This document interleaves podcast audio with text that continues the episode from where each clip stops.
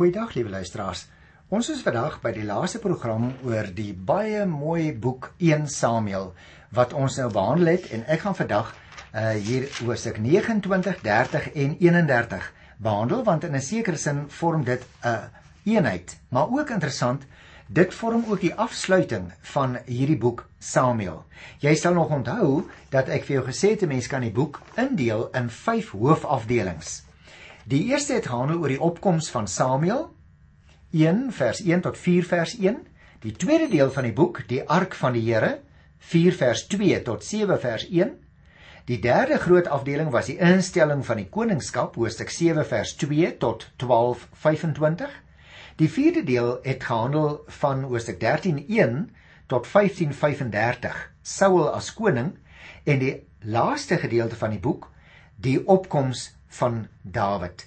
Hoofstuk 16 vers 1 tot aan die einde van hoofstuk 31 vers 13. Daarom is dit ook in 'n sekere sin die hoogtepunt hierdie afsluiting.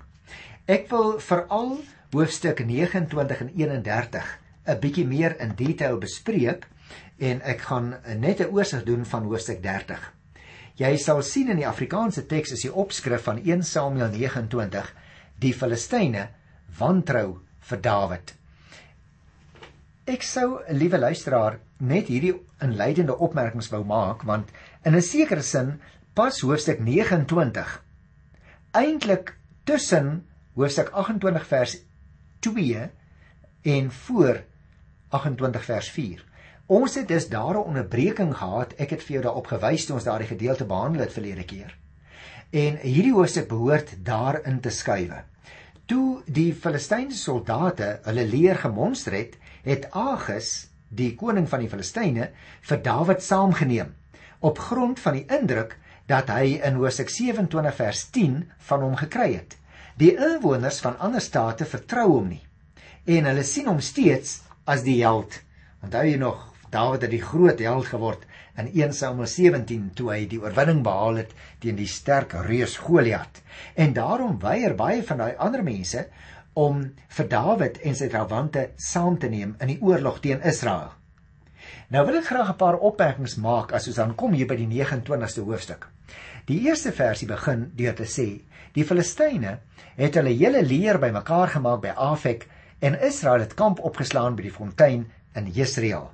Nou baie interessant, ons moet onthou die twee leers word hier gesê staan nou teenoor mekaar. Aan die een kant by Afek, nou dit is 'n uh, 'n uh, baie interessante plek. Daar was eintlik meer as een uh, plekke wat deur die geskiedenis Afek genoem is. Maar uh, dit is iewers tussen Sinem en Jesreel, maar presies waar, dit weet ons nie. Saul se leer aan die ander kant wag waarskynlik die vyand in by Jesreel naby die voet van die gebergte Gilboa. Die geveg gaan dus plaasvind op die Jesreel vlakte naby die voet van die berg Gilboa. Die tweede versie sê terwyl die regerders van die Filistyne met honderde en duisende mense verbytrek en Dawid en sy manskappe heel laaste saam met Akis verbygaan, het die leiers van die Filistyne gesê: "Wat maak hierdie Hebreërs hier?" nou ja, hierdie leiers van die Filistyne, dit wil sê die uh vyf stadstate, ek het destyds al vir jou gesê toe ons hulle die eerste keer teëgekom het, die Filistyne het op die kusgebied gewoon van Palestina in vyf stede, naamlik Gaza, Gat, Askelon, Asdod en Ekron. En hierdie leiers van hierdie uh, stadstate uh is nou daar, maar interessant, net een van hulle se naam word genoem in vers 8, naamlik die koning uh van die stadstaat Agus. Nou lees ons hier, liewe luisteraars, hoe dat die militêre verbymars plaasvind. Skynbaar voor hierdie vorste, hulle moet nou daarna kyk en dan onder hulle is daar dan nou Agus met Dawid in die agterste posisie. Met ander woorde, Dawid bevind hom nou hier in die kring van die Filistyne, want hy uh gee voor om mal te wees. Ek het dit 'n vorige keer met julle behandel. Maar die derde vers sien die Filistyne om dadelik raak. Hulle sê, "Wat maak hierdie Hebreërs hier?"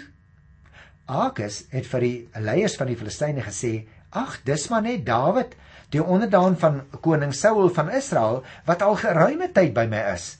Vandat hy afvallig geword het tot nou toe, het ek niks teen hom gevind nie. Nou dadelik vir my opvallend, liewe luisteraar, as gevolg van hulle wapentuig en hulle tipiese gelaatstrekke, is dit die rede hoekom die uh, ouens nou dadelik sou agterkom maar maar Dawid pas eintlik nie by die ander klomp Filistyne nie. Die antwoord lei tog vir my dat uh, Agus aanvoer, hoorie maar hy is al 'n geruime tyd by my. Hy is met ander woorde eintlik al lank al my onderdaan, so wil Agus vir hulle oortuig. Die vraag is natuurlik hoe het Dawid gevoel op daai oomblik? Het hy gevoel hy verraai sy eie mense want hy's nou besig om saam met hulle op te trek teen die Israeliete? Nou ja, die Bybel sê niks uh, daaroor nie, liewe luisteraar. Ek het maar net daaroor gewonder. Het ou Dawid 'n bietjie soos 'n verraaier gevoel? Maar ek het al vir jou gesê wanneer 'n spekulasie kom, dan hou ons net daarop om daaroor te gesels want ons wil nie spekuleer nie. Vers 4 sê: "Maar die leiers van die Filistyne het hulle vererg en vir Agus gesê: Laat die man omdraai. Laat hy teruggaan na die plek toe uh, wat jy vir hom aangewys het. Hy mag nie saam met ons in die oorlog uittrek nie. Dan draai hy in die geveg teen ons. Hoe sal hy weer by sy koning in die guns kan kom? Is dit nie dalk met die koppe van ons soldate nie?" Nou jy sien, hulle is baie agterdogtig. Dis my duidelik liewe luisteraar dat daar baie groot ongemak is onder die Filistyne. Hulle wil nie so maklik val vir hierdie ding wat Akis sê nie. Ehm um, al het hy nou baie lank by jou gebly, hoor ek hulle self mompel. Ons wil hom nie saam met ons hê nie, want hy gaan 'n verraaier wees. As ons aanval, kan hy ons dalk van binne af begin teenstaan en dan het ons natuurlik allerlei moeilikheid. Die 5de vers sê: Dit is mos die Dawid van wie hulle in koordanse sing. Saul het sy duisende verslaan, maar Dawid sy 10000e. Jy sien, Dawid se roem was baie bekend wyd bekend op hierdie stadium en skynbaar was hulle nie slegs met die Hebreërs bekend nie maar ook met hulle taal want onthou hulle daar op die kusvlakte gewoon hulle is al vir 'n paar honderd jaar daar En uh, daarom het hulle baie goed die taal van die Hebreërs soos hulle hulle noem verstaan. Vers 6. Agus het toe vir Dawid geroep en vir hom gesê: "So seker as die Here leef, jy is opreg. Ek vind dit goed dat jy saam met my gaan veg, want vandat jy by my gekom het tot nou toe, het ek niks verkeers by jou gevind nie. Maar jy is nie aanvaarbaar vir die regerders nie." Dit is dus duidelik uit hierdie 6ste vers, liewe luisteraar, dat Akas nie deur Dawid kan sien nie. Kom ons lees nou vers 7 en 8. Draai nou maar om en gaan in vrede sodat jy jou nie die onguns van die Filistynse regerders op die hals haal nie. Maar Dawid het vir Akis gesê: Wat het ek gedoen?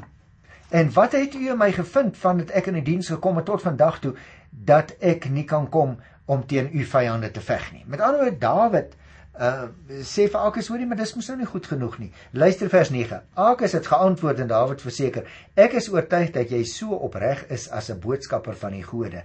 So hierdie Akas doen so al wat hy kan. Maar nou ja, uiteindelik uh kan Dawid nie saamgaan nie want die 11de vers sê vir ons toe het Dawid en sy manne klaargemaak om vroeg die môre te vertrek en terug te gaan na die land van die Filistyne. Toe maar die Filistyne het na Jesreel toe opgetrek. Nou natuurlik, liewe luisteraar, was dit 'n beskikking van die Here dat dit so was.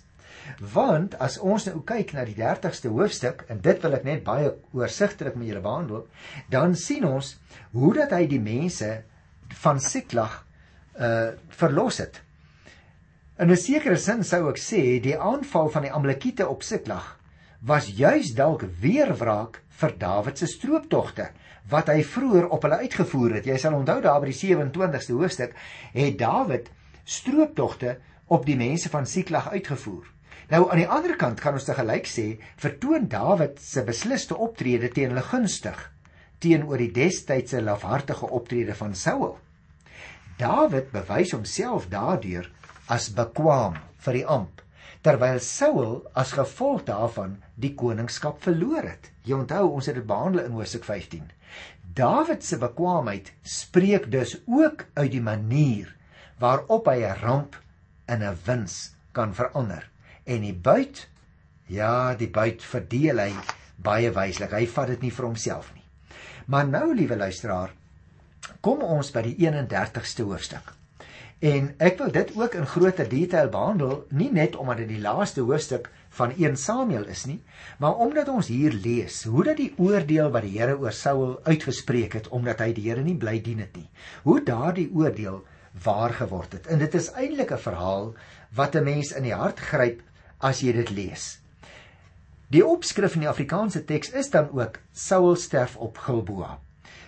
Ek sou 'n inleidende opmerkingie daaroor wou maak deur net vir jou daarop te wys luisteraar want ek dink tog dit is belangrik die verhaal oor Dawid en Saul bereik hier sy klimaks wanneer Saul op Gilboa die berg Gilboa gaan sterwe. Baie kilometers van Dawid af verwyder.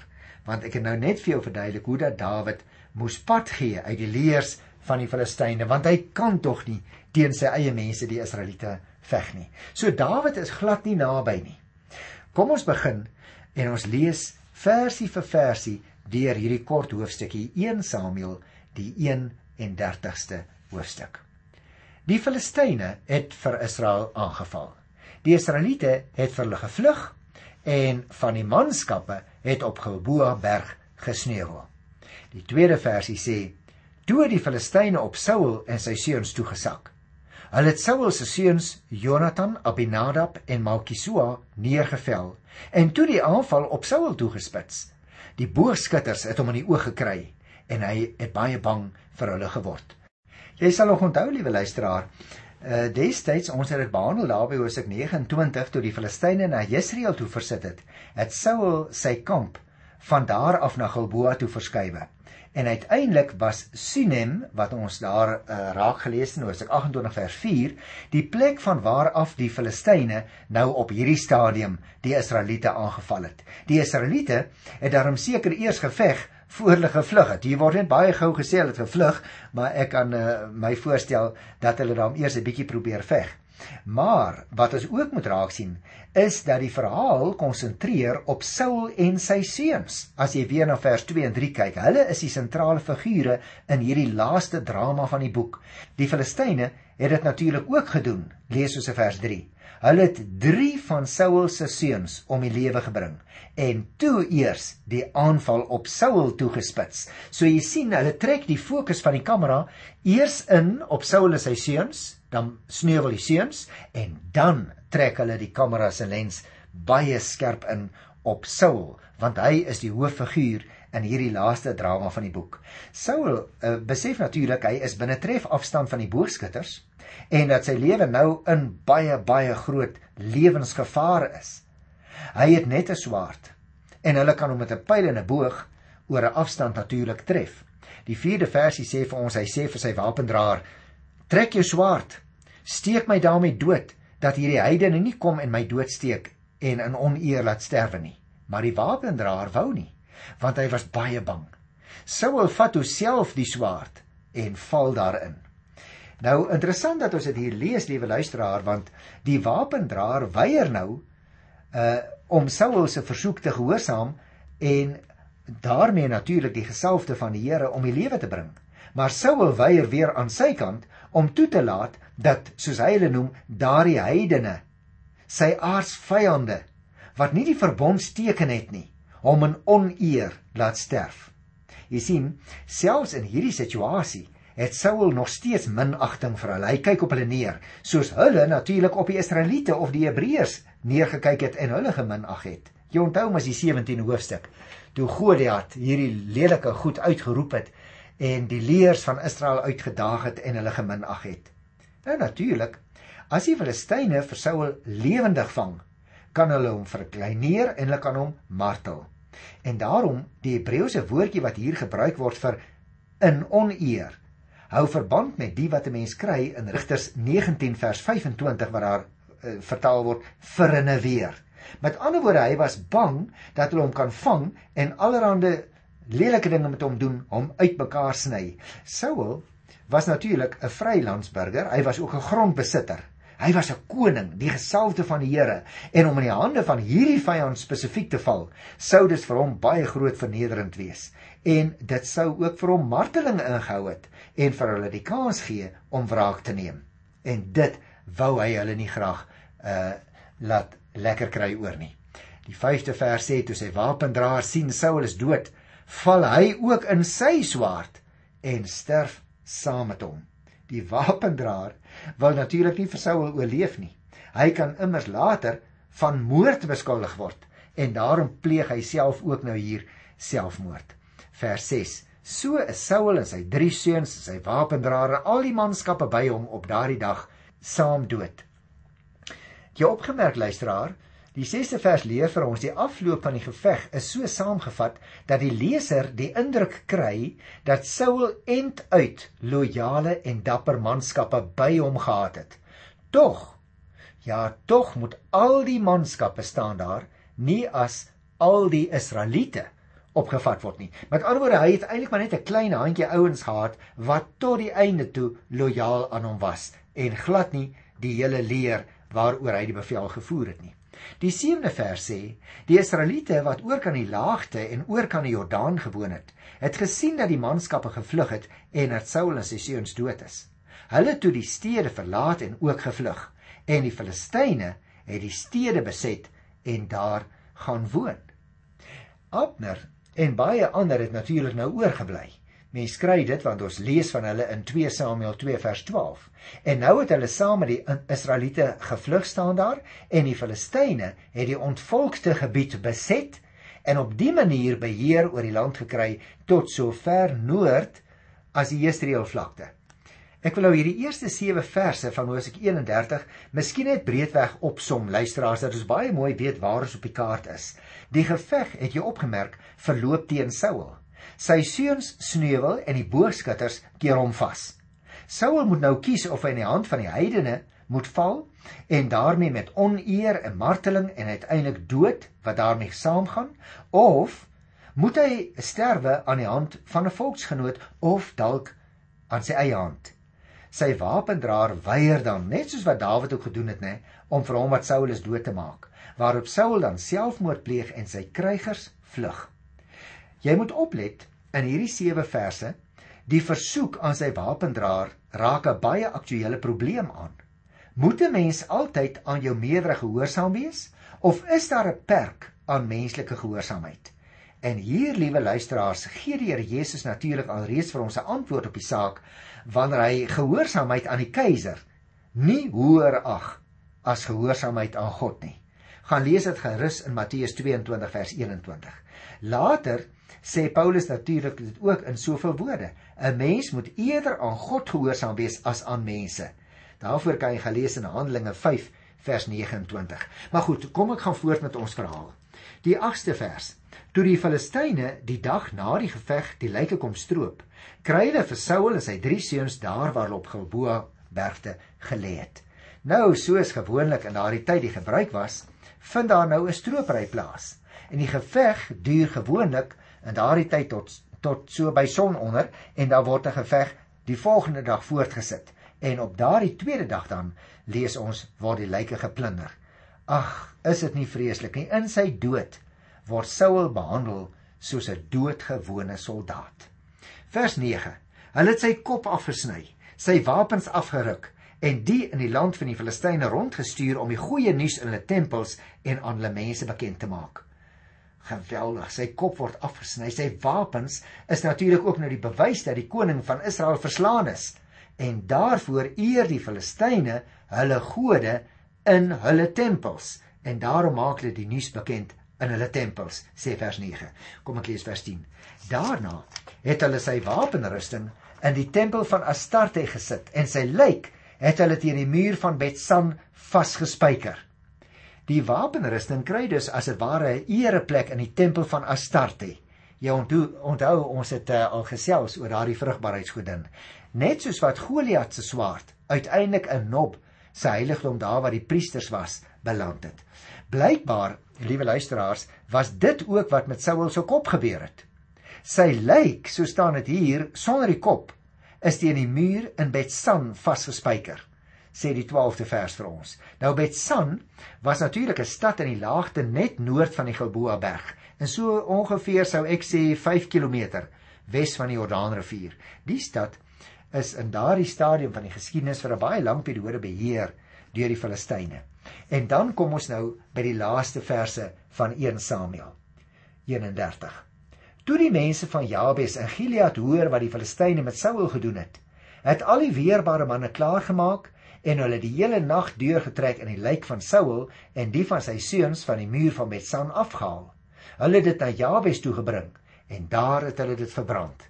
Nou hierdie mense van Jabes in Gilead het nie Saul se reddingsdaad vergeet nie wat hy destyds gedoen het nie. Onthou julle daar by Hosea 11 vers 6 tot 11. En daarom met 'n verrassingsaanval in die nag staan hier, slaag hulle daarin om Saul en sy seuns se lyke van die muur te kom afhaal. Die verbranding was noodsaaklik, né?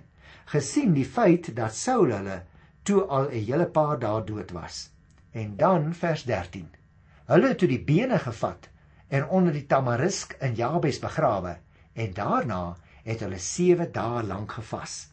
Alles is egter nie heeltemal tot as verbrand nie. So so blyk dit hier uit vers 13.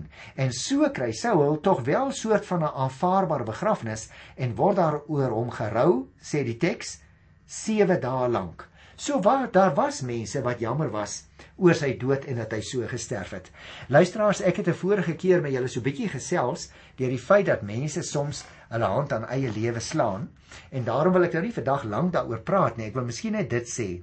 Allereers het jy en ek nie die reg om iemand wat uh, selfmoord pleeg te veroordeel of selfs die ewige oordeel oor so iemand uit te spreek nie. Selfmoord spruit voort uit intense innerlike stryd wat dikwels oorgaan in 'n geestelik sielkundige toestand waarin 'n mens later nie meer selfrasioneel kan oordeel nie. 'n Tweede opmerking net. Want uh luisteraars selfmoord is tog ook moord en dit moet beheen word na aanleiding van die talle uitsprake oor die neem van 'n lewe. Per slot van sake beskik jy en ek nie oor ons eie lewens nie, maar alleen die Here. En die 6ste gebod sê dat 'n mens nie mag doodslaan nie. Jy moet dus respek hê vir ander mense se lewe, maar jy moet ook respek hê vir jou eie lewe. Die neem van 'n lewe is die uiteindelike teken van die onkunde oor of ook die gebrek aan vertroue in God. Daarom moet jy en ek, liewe luisteraar, 'n wag voor ons mond hê, want die drama en die trauma wat gepaard gaan met sulke gebeure in 'n gesin, kan regtig nie met 'n pen beskryf word nie. Ten slotte wil ek dan sê oor hierdie 1 Samuel wat ons nou afgehandel het, die hooftemas het baie duidelik na vore gekom. Menslike nood word soms in die Here se diens gebruik. 'n ander een wat daarvoor gekom het was die simbole van die Here wat belangrik is. Dink dan maar byvoorbeeld aan die ark wat so 'n geweldige belangrike rol speel dat daar 'n hele afdeling van hoofstuk 4 vers 2 tot 7 vers 1 net aan die ark en die omswerwing van die ark gewy word. En daarom dink ek is dit baie belangrik dat ons ook in ons tyd die simbole wat die Here vir ons gee, naamlik die doop en die nagmaal, baie hoog sal aanslaan. Ons het geleer hoe dat hierdie mense juis omdat hulle nie 'n teokrasie meer wou hê nie, nie net onder die gesag van die Here wou staan nie, vir hulle self 'n koning uitgeroep het omdat ons wil wees soos die ander nasies, het hulle gesê. En dit het hulle natuurlik uiteindelik baie suur bekom.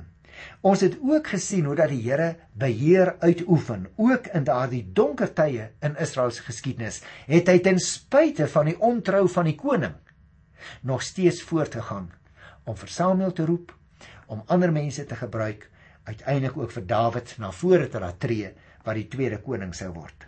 Gehoorsaamheid? Jo. Dit is seker die ding wat vir my die meeste uitgestaan het in 1 Samuel boek.